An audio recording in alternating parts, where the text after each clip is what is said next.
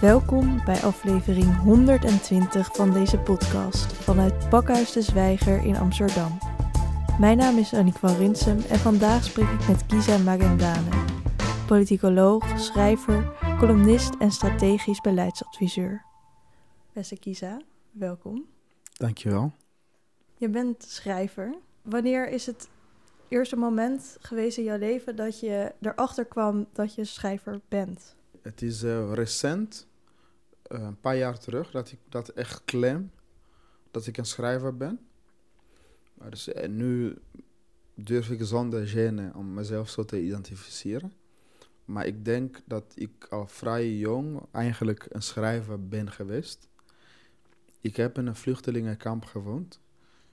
Ik heb oorlog meegemaakt in Congo en door mijn persoonlijke reis ben ik altijd bezig geweest met het stellen van vragen en het beschrijven van wat ik om mij heen zie. Maar goed, daarvoor was ik ook al nieuwsgierig, maar mijn engagement en schrijven, want ik ben geëngageerde schrijver. Ik schrijf niet omdat, niet voor de lol, niet omdat ik het leuk vind, maar echt om iets bij te dragen aan de samenleving. Ja, dat, dat begon in mijn vluchtelingenjaren. Ik dacht, een pen is een middel om, ja, om een stem van ongehoorde te laten horen. Ik zag een pen als een spier eigenlijk. Om tegen onrecht te vechten. Want je had ook een tijdje een blog dat heette Beperkt Vocabulaire. Was dat de titel? Ja, klopt. Dat is toen ik naar Nederland kwam. De schrijver in mij begon vrij snel al met schrijven. Dus eerst amateuristisch natuurlijk. Op uh, tweedehands computer schreef ik uh, ja, stukjes zoals... Uh, wat is zijn? Wie is God? Dat soort filosofische overdenkingen. En toen, als scholier, had ik dus ook een blog.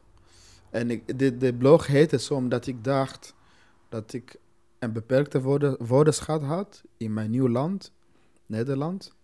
Maar dat ik ondanks die beperkte vocabulaire wel een verhaal te vertellen had. Ja, dat was mijn avontuur. Want ik vind het ook echt een hele poëtische titel, omdat het is ergens heel erg een soort van het is bijna grappig of zo, of, omdat het zo'n kracht en een soort van zelfverzekerdheid heeft, terwijl het juist heel erg benadrukt, waardoor je misschien niet als legitiem zou worden gezien in je geschrijf. Ja, het is een beetje dubbel. Ehm, en als ik dan naar mijn reis kijk, dat de legitimatie is altijd een onderdeel geweest van mijn reis. De vraag kan ik überhaupt schrijven? In mijn boek blijkt ook, beschrijf ik ook hoe mensen mij voor gek verklaarden dat ik schrijver wilde worden. Dus ja, het is een soort van spel door te benadrukken. Ik heb een beperkt vocabulaire. Straal je jouw kracht uit van ik mag aan tafel zitten. Maar het is ook heel kwetsbaar. En de vraag is, tot wanneer mag jij op een gegeven moment houdt het op om de jongen te zijn die een beperkte woordenschat heeft. En ik weet niet wanneer bij mij die transitie is geweest. Of, of ik nog steeds mezelf als die jongen zie met een beperkte vocabulaire.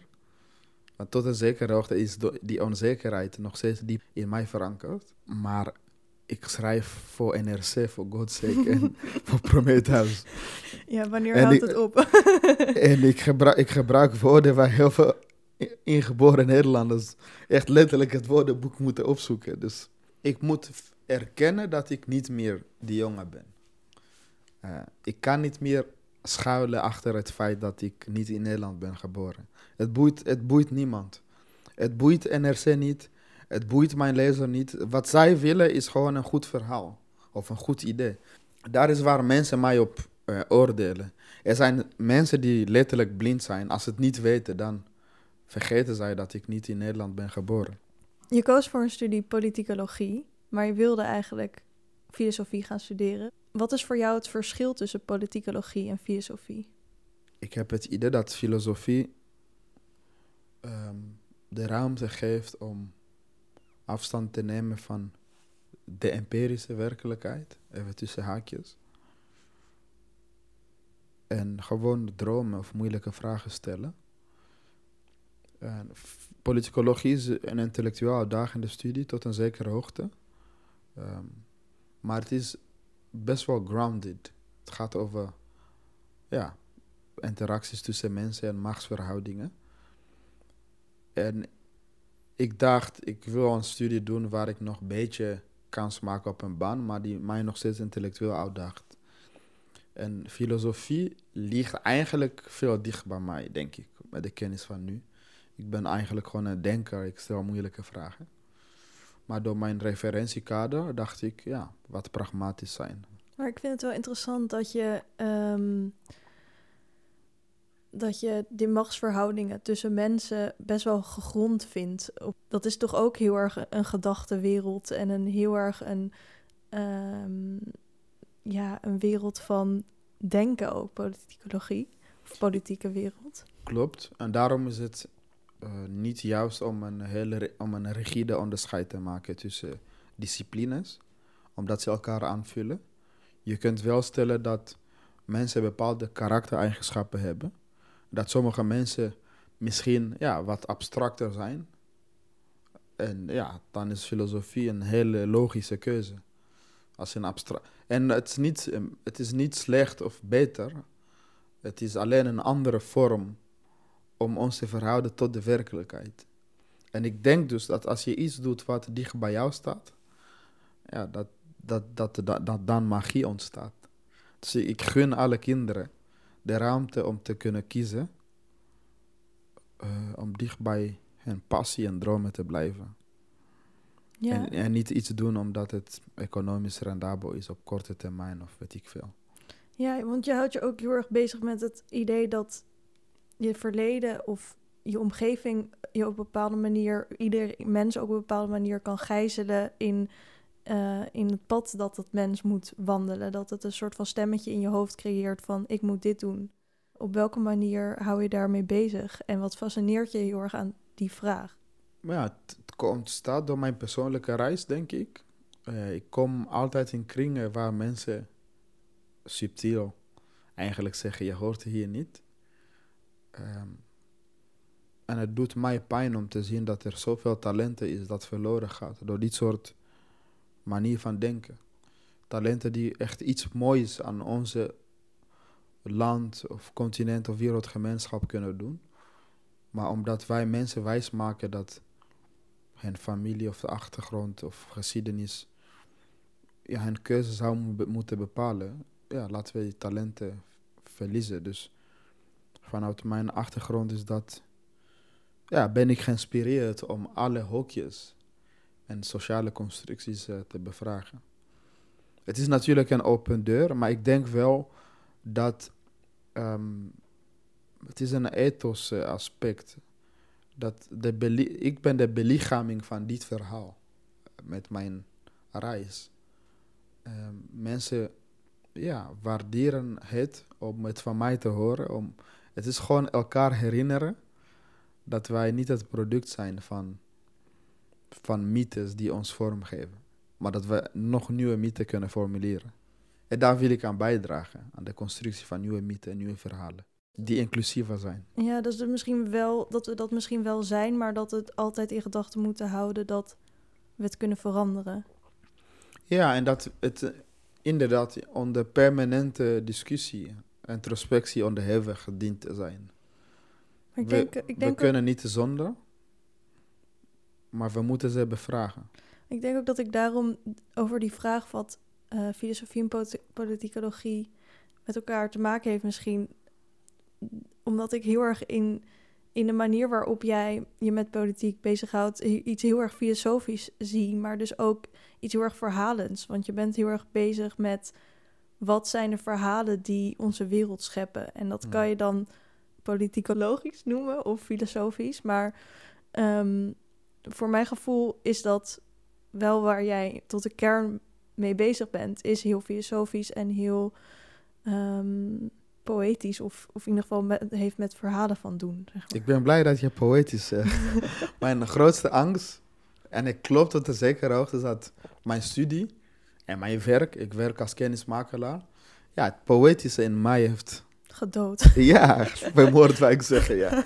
Dus, ja, en dat is mijn grootste angst. Ik moet zeggen, de lezer van mijn boek, die, zijn, ja, die hebben andere ideeën over. Die denken, ja, de, de poëet in jou is nog steeds levend. Dus dat is fijn om te horen. Ja, want ik lees iemand die dus juist heel erg, en ook als ik jou zo hoor praten, iemand die juist heel erg op zoek is naar het verhaal. Het, het, de verhalen van de wereld. Dus, dus als jij het hebt over ehm, een, dat je een studie hebt gekozen die wat meer empirisch is, dan zie ik alsnog iemand die niet met dat empirische per se bezig is, maar de hele tijd vraagt van eh, wat zijn de verhalen die het hebben gemaakt dat het zo is.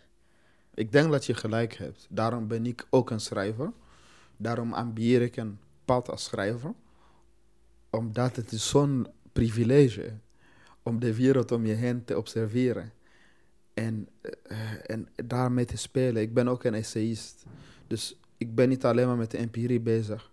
Maar ook met mijzelf als persoon. Mijn reis.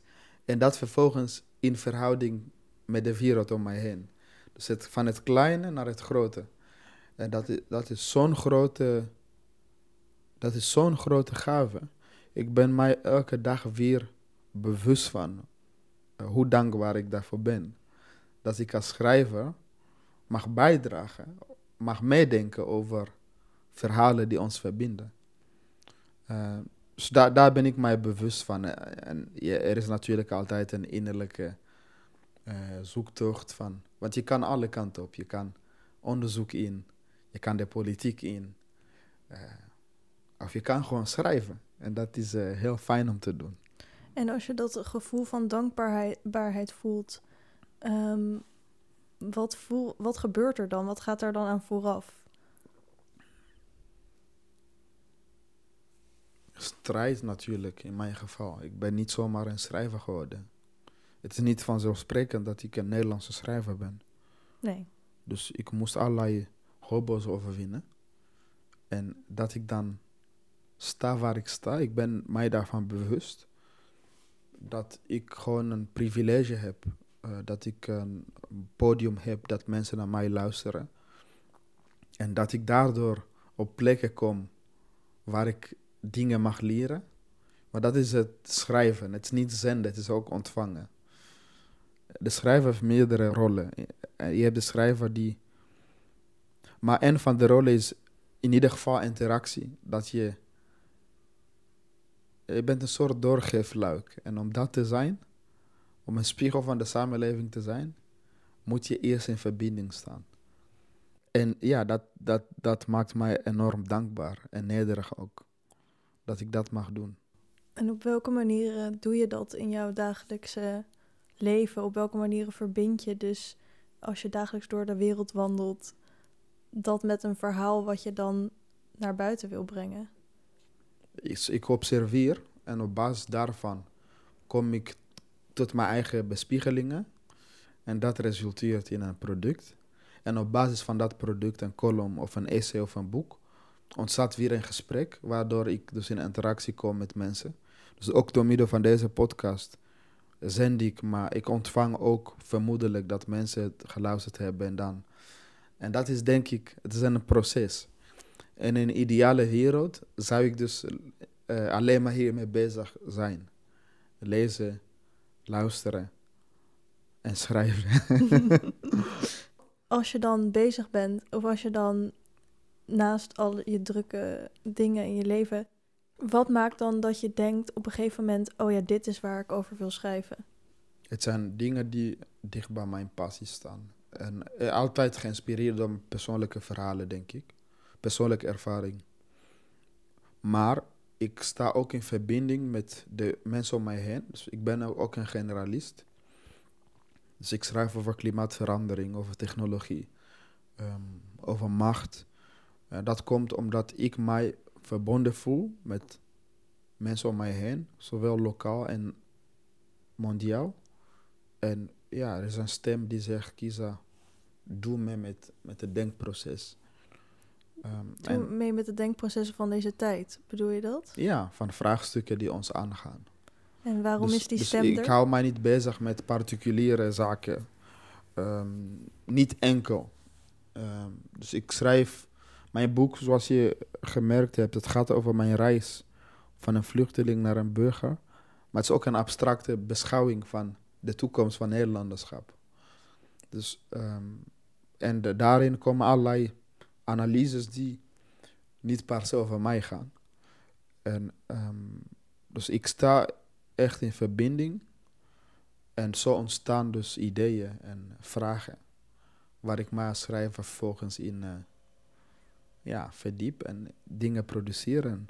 Meestal tot nu toe zijn mensen positief. en wat betekent die verbinding voor jou? Wat, wat is dat precies? Ik denk dat het gaat om bewustwording over een gezamenlijke lot, over lotverbondenheid. Dat je de zorgen en pijn van de anderen kan begrijpen. Ehm, en het is niet makkelijk. Ik weet dat veel mensen die ruimte niet hebben. Maar als je dat hebt, als jij kan verbinden met mensen, dat is echt een goede basis om een goede schrijver te zijn. Als, als je kan verbinden met alles wat er om jou heen gebeurt, dat geeft jou zo'n kracht om mensen mee te nemen op reis. Omdat, omdat je bewust bent van wat ons verbindt. Ehm, dus die bewustwording is echt misschien zelfs een voorwaarde om een schrijver te kunnen zijn. Of in ieder geval een goede schrijver te zijn. Je houdt je ook bezig met de vraag uh, van esthetiek versus ethiek um, in je schrijverschap, maar misschien ook wel als politicoloog. Is dat dan een vraagstuk over macht in representatie of gaat het om iets anders? Ja, ik denk dat dat een element is. Als we, we hadden het net over verhalen. Als wij een toekomst willen vormgeven, ontstaat de vraag: um, wie bepaalt uh, wat een dominante mythe is? Maar ja, het gaat, het gaat om representatie, want het gaat erom: herken ik mezelf in al die dominante verhalen? Er is altijd een soort machtsverhouding tussen de schrijver en degene waarover die schrijft, tenzij die over mm. zichzelf schrijft, maar misschien zelfs dan ook. Um, hoe, ga je, hoe ga je daarmee om? Je kan nooit onafhankelijk zijn, maar zolang je zuiver dicht bij jezelf probeert te blijven, in relatie met de wereld om je heen, dus niet alleen maar één groep, maar de samenleving als geheel. En zolang je oprecht macht probeert te bevragen, want dat doe ik, dan voelen mensen dat. Um, dan zou je deze dag deze groep bos maken en de volgende dag deze groep bos maken. Maar dit is ook een hele klassieke zoektocht. Hè? Uh, want wat is de rol van een schrijver? Ik zei net dat een schrijver um, de wereld, de, de realiteit moet vertalen. Dat is iets heel anders, althans mijn invulling, dan een... Uh, ja, ik, gaf het woord, ik gebruik het woord doorgeefluik. Maar dat is, niet, dat is iets anders dan pretenderen dat jij onderdeel bent van een groep. Ik, heb, ik ben uh, sinds kort een vaste columnist voor NRC. Ik schrijf al drie jaar voor die krant. Um, maar nu wordt deze vraag steeds relevanter. Omdat ik ben mij gewoon bewust van zo'n podium. Voor sommigen, nou, ja, ik ben mij daarvan bewust. Best wel een belangrijke podium als je zo'n kans hebt. Um, maar de regel van mij, ik kan dat met jou delen, is punt 1. Ik vertel verhalen. Uh, ik heb uh, punt 2. Ik deel ideeën. Mijn columns gaan alleen maar over ideeën. Uh, en punt 3. Ik probeer Nederland en de wereld te verbinden. Het liefste de arme wereld. Dat is voor mij nu de kader waarin ik opereer. En soms bemoei ik mij met nationale vraagstukken. Als ik denk, ik heb nu echt iets heel relevants te zeggen. Zoals mijn column vorige keer ging over corona. Ja, ik denk deze perspectief is nuttig. En door deze regel te hanteren, denk ik punt 1. Je hoeft het niet met mij eens te zijn, maar je gaat het verhaal onthouden. Dus ik wil dat mensen weten, kies hij zo'n goede verhalen vertellen. Hij heeft rare ideeën, maar dat verhaal blijft hangen.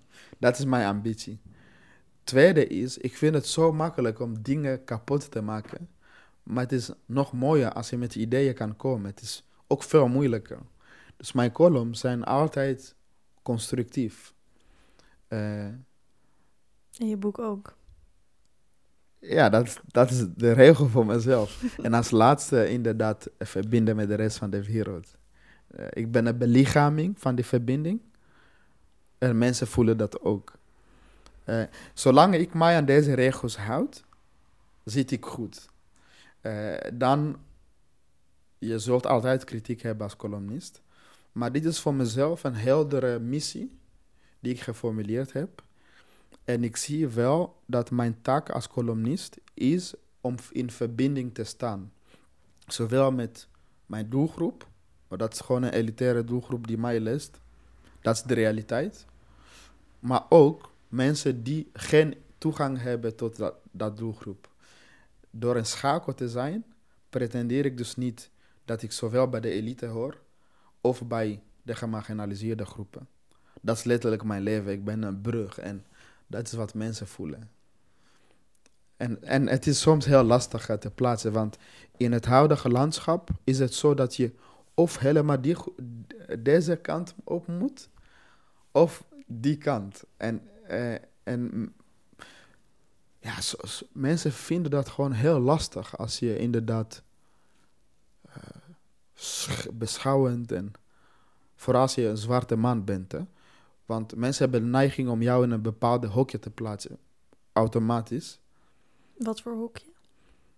Um, ik, kijk, ik ben een antiracist, hè? sowieso, omdat het belangrijk is. Maar dat is automatisch het hokje waar ik in terug, terecht kom. Ter, terwijl ik ben gewoon een generalist die over van alles schrijft, best wel op een abstracte manier. Mm Je bent een denker en een schrijver. Ja, basically, dat is wie ik ben. Maar uh, voor heel veel mensen automatisch ben ik een activist. Ja, precies. Kan je ook niks aan doen. Of ik ben, extra, ik ben links. Mm -hmm. dus er zijn alle. Wat vroeg jij? Ben je links? ik ga niks zeggen. Nee, maar ik ben, uh, ik, ik ben zoals je weet uh, oprichter van Progressief Café. Mm -hmm. Ik heb een CDA-verleden. Ik zat bij CDA. Ik, ben, ik beschrijf mezelf als, een, als progressief mm -hmm. en als centrist. Nou, over dat tweede begrip kunnen we echt uren over praten. En waar komt dat vandaan? Want wat, wat, welk gevoel zit daarbij dat je, dat, dat je daar zo mee bezig bent eigenlijk in alles wat je doet? Ben, ik ben echt een maker. Ik, ik ben dingen aan het creëren. En ik, als schrijver creëer ik natuurlijk als individu. Hoewel je dat kunt nuanceren, want mijn boek is een resultaat van een hele apparaat en een redacteur en mensen die mij inspireren en wat ik lees. Maar het staat wel mijn naam op. Mijn column is ook Kiza. Dus als schrijver ben ik als individu aan het maken. En wat ik steeds mezelf de uitdaging geef nu, is om als collectief dingen te maken. Dat is voor mij een belangrijke streven. Daarom heb ik Progressief Café opgericht. En uh, ja, nieuwe denktank. Best wel ambitieus om progressieve ideeën in Nederland te vertalen naar beleid en praktijk. Met een uh, platform voor journalistiek, vertalend journalistiek. Oké, wat houdt dat in? Uh, dus de, wat ik net noemde, dat je dus ideeën die leven in de progressieve onderstroom, zoals we dat noemen, eigenlijk te vertalen naar beleid. Zo van, dit is het idee, wat, maar wat betekent dit precies? Hoe kunnen wij dit in Den Haag, maar ook bij bedrijven vormgeven? Uh, want je kan als verhalend, je kan descriptief. Je kan opiniëren journalistiek bedrijven. En wij willen vertalend journalistiek bedrijven. Dus de Denktank heeft een eigen journalistieke platform, de Onderstroom. En mijn plan nu is om niet alleen te maken, want dat lukt aardig als schrijver, maar eigenlijk om collectieve impacts te genereren. Uh, en dat is een hele grote uitdaging, maar ik heb daar heel veel zin in. Maar goed, je kan ook zien dat ik aan het stralen ben ja. als ik daarover praat. Ja, en, en wat maakte dat je dus naast je schrijverschap ook iets, zoiets bijna praktisch... Het is nog steeds heel erg met denken, maar het heeft ook iets, iets praktisch en dus ook weer iets verbindends. Maar waar kwam dat vandaan dat je ook je tijd daarin wilde stoppen? Ja, ik denk dat ik altijd een politieke dier ben geweest. En ik heb het idee dat dit eigenlijk samenvat wat ik leuk vind. Denken, verbinden en ondernemen. Dus het is ook creëren. Voor mij is het uh, heel spannend. Hoe, hoe bouw je zoiets? en Eh, hoe bouw je zoiets? Ik denk door mensen te vertellen wie je bent. Ehm, er zijn, ik ben zo onder de indruk van hoeveel talenten wij hebben in Nederland. Qua denkers, dromers en doeners, om die woorden te gebruiken. Het is echt heel bizar. En wat ik merk is dat die mensen een aanleiding nodig hebben om iets te doen voor de samenleving. Dus door je verhaal te vertellen en door een visie te geven, kan er echt magie ontstaan. Dat is wat ik nu probeer te doen. En ik heb het talent om leuke mensen te verzamelen. Althans, dat is altijd zo geweest. Mhm. Ik omgeef mezelf met mensen, goede mensen, die mij dingen ook gunnen. Ehm, en dat wil ik nu dus ook samen met anderen doen.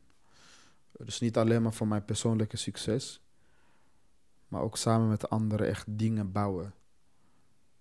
Wat voor dingen wil je bouwen? Eh, revolutie, beleid veranderen. Wat voor revolutie? Nou, het, het is gewoon. ehm, het frustreert mij om te zien dat, ondanks de toenemende ongelijkheid, dat extreem rechts en conservatieven winnen. De revolutie is een denkrevolutie. Eh, dus we moeten ideeën die er leven in de samenleving op een aantrekkelijke manier vertellen. We moeten die ideeën vertalen en vervolgens dat dat naar, naar, naar- de politiek en de praktijk koppelen. Eh, daar wil ik aan meebouwen met anderen. Eh, daar is heel veel kennis over. Ja, en je zei net ook dat al die mensen die dus goede ideeën hebben en ehm, ook wel de wereld vooruit willen helpen, toch een, een, een zetje in de rug nodig hebben of een reden he- nodig hebben om iets te doen of zoiets. Mhm. Hoe komt dat? Omdat mensen hebben gewoon een eigen patroon en verantwoordelijkheden. Eh, dus meestal zoeken ze gewoon een schakel die hen kan verbinden met anderen, waardoor zij zoiets hebben van, oh wacht, I'm not the only, I'm not the weird one. Mhm. Er zijn anderen. Ja, precies. Ja. En dat is de kracht van platforms, hubs. Eh, wat ik nu vertel, eh, we hebben natuurlijk Progressief Café op 6 december. Maar de ambitie is echt heel groot. Het is echt om een, echt een denktank en een politiek platform te bouwen. Waar we al die progressieve krachten kunnen verbinden. Ehm, om echt, echt voor beide politieke partijen om impact te maken. En politiek draait niet alleen maar om wat in Den Haag gebeurt. Hè. Gaat niet alleen maar om wat in, met, in de beleidsstukken wordt bedacht. Het gaat ook om de implementatie. Dus ook in het bedrijfsleven, in organisaties. En door mensen bewust te maken, door mensen te voeden met de juiste informatie, kun je, denk ik, Nederland een stap verder brengen. Nou, dat is dan een stukje schrijver in mij, die dus denkt dat politiek gaat niet alleen maar om die regeltjes, maar ook om verhalen. En dat zie je dus ook eigenlijk terug in, eh, in wat wij willen doen met Progressief Café. Dus eh, denk eh, richting verder brengen. Ja, toch nog heel even terug naar die, die, dat denken over die schrijverspraktijk. Want je hebt ook gezegd dat je het belangrijk vindt als schrijver om eh, verantwoordelijkheid te hebben naar jezelf, maar niet per se naar een grote abstracte wereld, hoe graag je dat misschien ook zou willen. Dus wat betekent het dan precies om, om een soort van die verantwoordelijkheid bij jezelf te houden en niet naar de wereld toe? Eigenlijk maak je een onderscheid tussen het politiek en het persoonlijke. Die twee zijn met elkaar verweven, maar je moet daar op een hele delicate manier mee omgaan. Want zodra je, je- zodra je toelaat dat het politieke het persoonlijke overneemt, ben je jezelf eigenlijk verloren. En zodra je het persoonlijke centraal gaat stellen in het politiek, is de balans ook verloren. Dus wat ik denk ik altijd, wat ik echt belangrijk vind, is dat je voor jezelf als persoon ook zorgt. Omdat de wereld draait niet alleen maar om ah, die grote theorieën. Het gaat ook om, ga ik op tijd slapen? Eh, vind ik de liefde? Heb ik goede vriendschap? Heb ik een goede relatie met mijn familie? En mensen zoals ik, die met politiek bezig zijn, kunnen zichzelf soms verliezen. Dat we denken dat het leven om politiek draait. Maar het leven draait niet enkel om politiek. Maar het is wel iets wat je heel erg fascineert. Het politiek, Ja. ja, het is mijn passie. maar het is niet, eh, het definieert mij niet. Oké. Dat moet ik aan mezelf herinneren. Scherp te blijven dat, ja, dat er gewoon een leven is. Beyond politics. En wat helpt, wat voegt dat toe om, die, om dat in gedachten te houden? Om soms even eruit te stappen en te denken aan de persoon.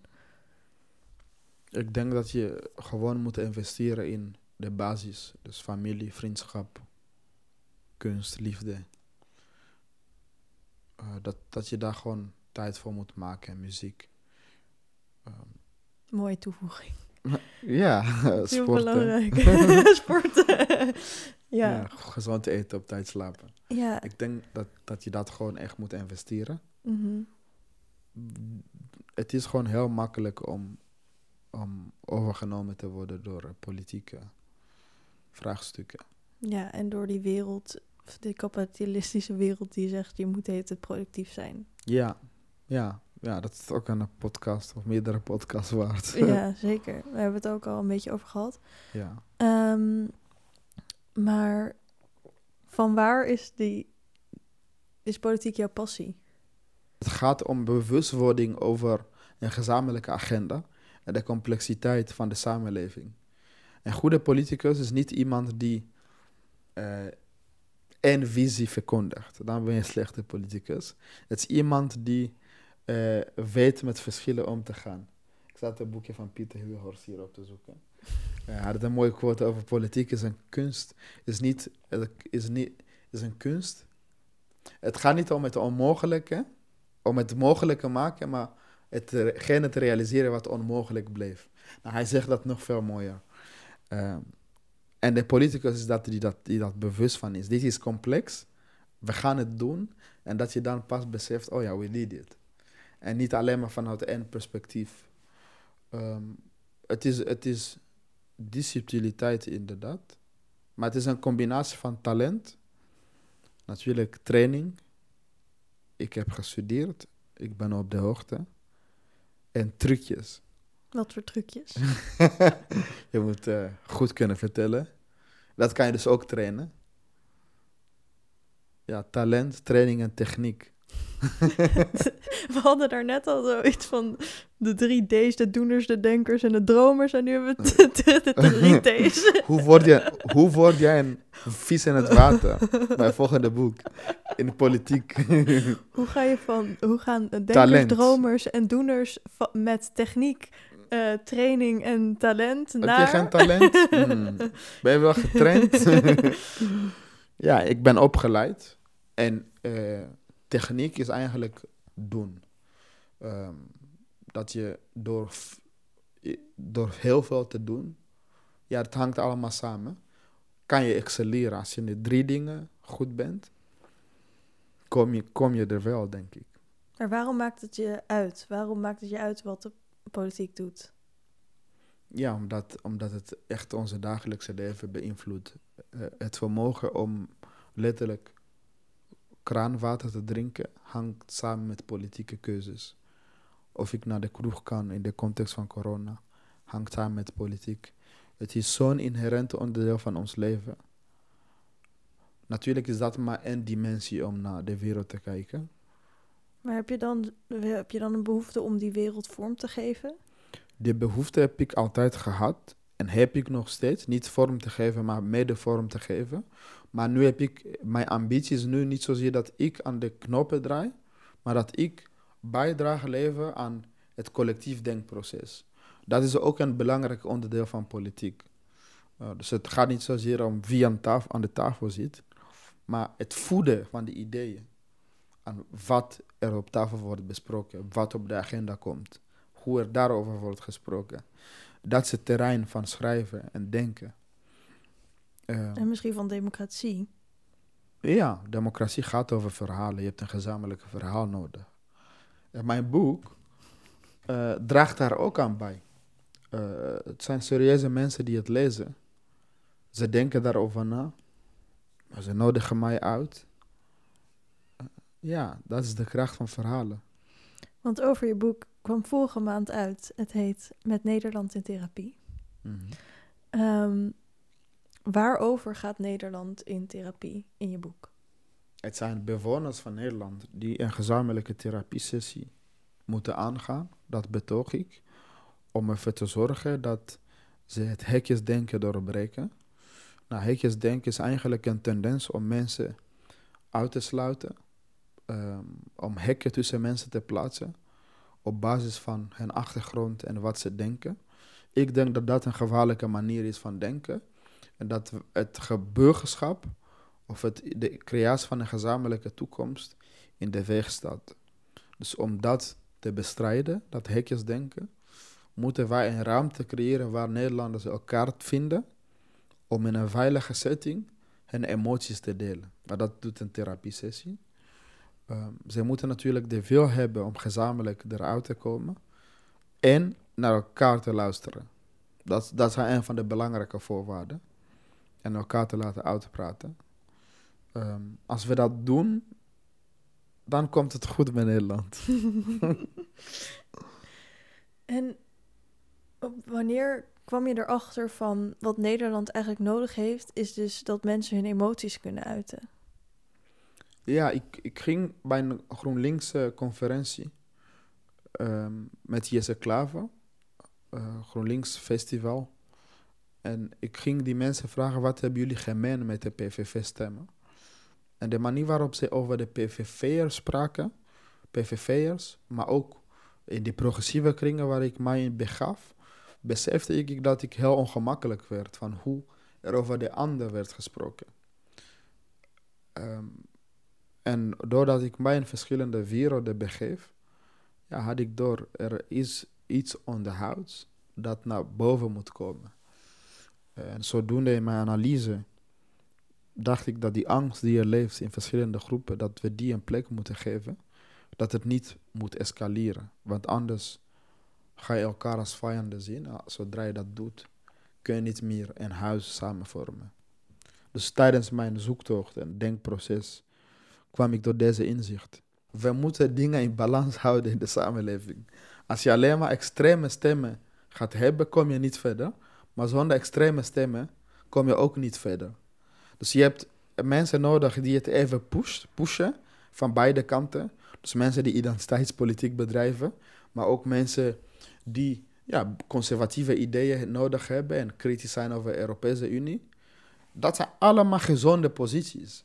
Vervolgens heb je, at the end of the day, mensen nodig die ja, even aan tafel zitten en zeggen van jongens, wat gaan wij nu doen?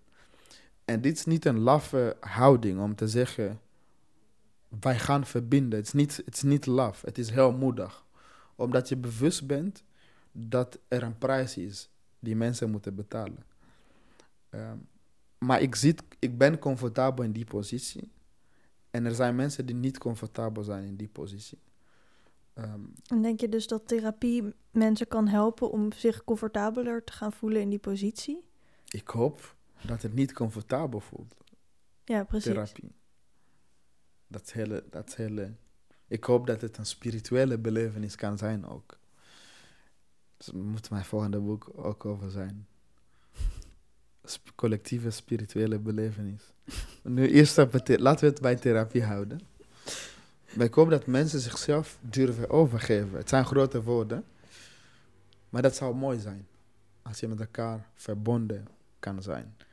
En waar komt bij jou die wijsheid, om het maar even zo te poneren, vandaan? Dat je dus soms die, of misschien wel vaak, die oncomfortabelheid nodig hebt om groei door te maken.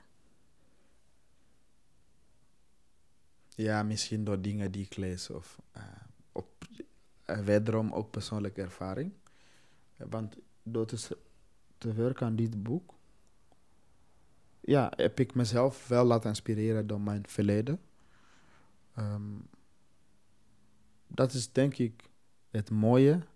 Alhoewel, ik mag niet zo over mijn boek praten. Je moet een beetje bescheiden zijn. Maar je ik mag denk, zeker over je boek praten. Dit is... ik denk dat het interessante aan mijn boek is, is dat ik die verschillende werelden verbind. Dus mijn persoonlijke reis en onze collectieve versombering of somberheid. Wat wij op kleine, op een microniveau meemaken, kan soms heel inspirerend zijn op een collectief niveau. Vooral als het niet alleen maar om jouw microperspectief is, maar de belevenis van andere mensen ook. Mhm. Dat daar een bron van wijsheid kan ontstaan. En van de wijsheden in mijn boek is omgaan met onzekerheid. Ik betoog dat de migrant dus ons kan inspireren om om te gaan met grote vraagstukken van onze tijd. Ja, hoe kom je tot dat soort inzichten door te lezen, door daarover te reflecteren en ook te schrijven? Omdat je bewust wordt hoe dat stand krijgt, zo'n verhaal. Of dat je een soort van kan graven daarin.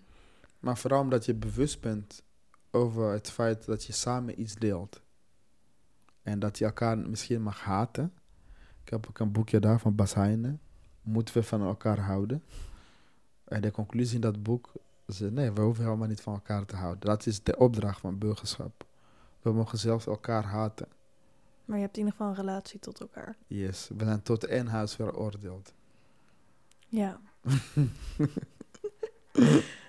je hebt je boek eh, opgedragen aan je oma, die tot je verdriet is overleden voordat de publicatie eh, er was. Mhm. Eva Magendane. Eh, wie was jouw oma? Ja, ze was een hele bijzondere vrouw. Heel sterk. Eh, ze heeft mij gevormd. Ja, ik, ik ik vind het ook moeilijk om over haar te praten. Ik moet er nog een plek geven. Ehm, Dat je er mist. ja, dat. En eh, ja, ik moet het een plek geven, inderdaad. Maar ze heeft mij gevormd. Alles wat ik ben, wat ik uitstraal. Ik ben deels een product van haar. Niet alleen maar Sigmund Freud of Pascal Chabot. En wat, en welke eigenschappen heeft zij overgedragen op jou? Ik denk strijd, strijdvaardigheid en onafhankelijkheid. Niet geliefd hoeven worden. Ik ben geliefd, ge- verrassend genoeg. Maar je hoeft niet geliefd te worden. Do what is close to you. Dus een soort van de liefde uit jezelf halen. Mhm. Maar dat heeft ze ook jou geleerd door jouw lief te hebben eigenlijk. ja, ik, en ik hoop dat ik dat kan doorgeven. Een soort brandend vuurtje. Ja. Zo leeft zij door. Ja, Hopelijk. volgens mij wel. Maar Dat hoop ik. ik zie ook dat je, dat je verdriet hebt over dat ze er niet is. Ja. Nou, dat moet ik ook een plek geven. Ja, Dat hoort bij het leven. hè. Het gaat niet alleen maar Helaas. om... eh, ja, het gaat niet alleen om leven. precies, precies. Het gaat ook om dood. Ja. Oké. ehm, in je boek gebruik je het metafoor van het huis. En dat is ook een manier om het debat over wat thuis is te claimen. Het is een, het is een persoonlijke eh, boek. Het is een politieke beschouwing. Het is een literaire reis. Maar voor mij is thuis, een huis, in dit geval, een literaire exercitie. En ik gebruik het eigenlijk als kader om de wereld te begrijpen. Bijvoorbeeld, ik heb hier het boek van Pascal Chabot, die dat metafoor gebruikt. Het raam staat symbool voor de relatie met de buitenwereld. Dus zo'n metafoor geeft mij een handvat om te beschouwen hoe Nederland zich verhoudt tot de Ja, mondialisering. het gaat gewoon niet per se om het huis. Je had ook het, een voorbeeld van een Een boom. koelkast. ik kijk nu naar een koelkast daar. Dan denk Het ik, is, het is instrumenteel, inderdaad. ja. Ehm, m- het is instrumenteel. Ehm, tegen, ja, vooral dat, maar tegen, Tegelijkertijd. nee, ik, zei, ik wou zeggen tegelijkertijd is het handig, maar dat is instrumenteel. Oké, nee. Het is gewoon voor mij een handige kapstok om die grote vragen van onze tijd te beschouwen. Dus ik ben niet eh, een van de andere extreemrechtse persoon die zegt dat, ehm, ja, dat mensen die zich geen Nederlander voelen, geen Nederland zijn. Maar wat ik ook zei, het is ook een emancipatoire. Het is ook een andere laag. Door jou, het huis juist te claimen van extreem rechts, Mhm. doe je een bewuste poging om mensen te vragen: jij mag ook trots op Nederland zijn. Ja, precies. Het is, het is ook een, een ander tussen haakjes politiek verhaal over wat het Huis Nederland is. Ja, het is een alternatieve kijk op Nederland. Eh, Die mag bestaan naast de kijk van.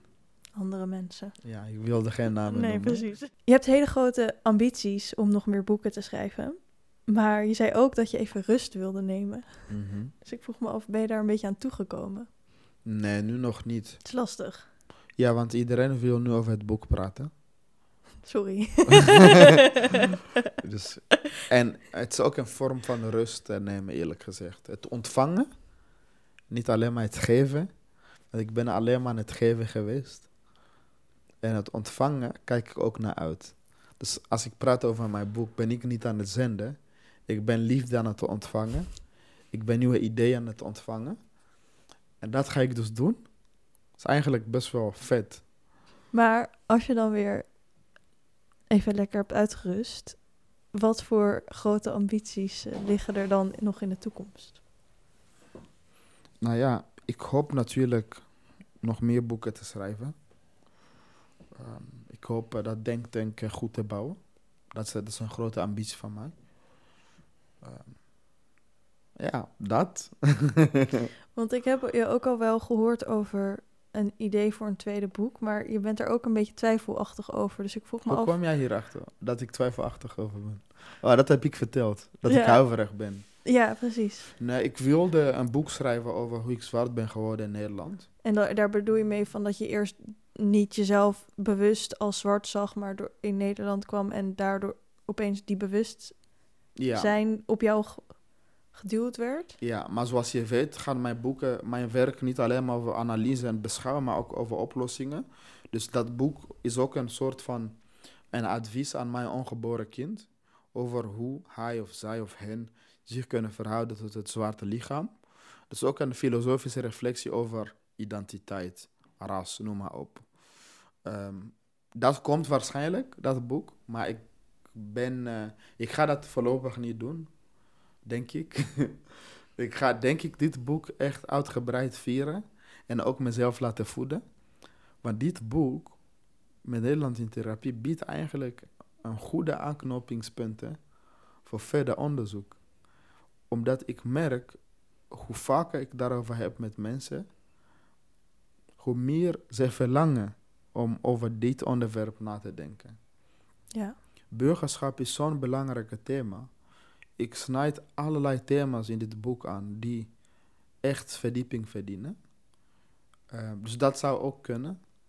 Ehm, dus ik gun mezelf nu die ruimte om echt te ontvangen.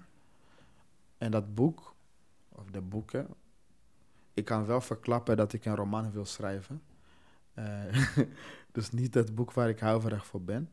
En wat, waar gaat die roman over? Het is een eh, universele liefdesverhaal. Het gaat onder andere over onze houding met eten in de samenleving. Eten als een bron van gif, maar ook als genezing.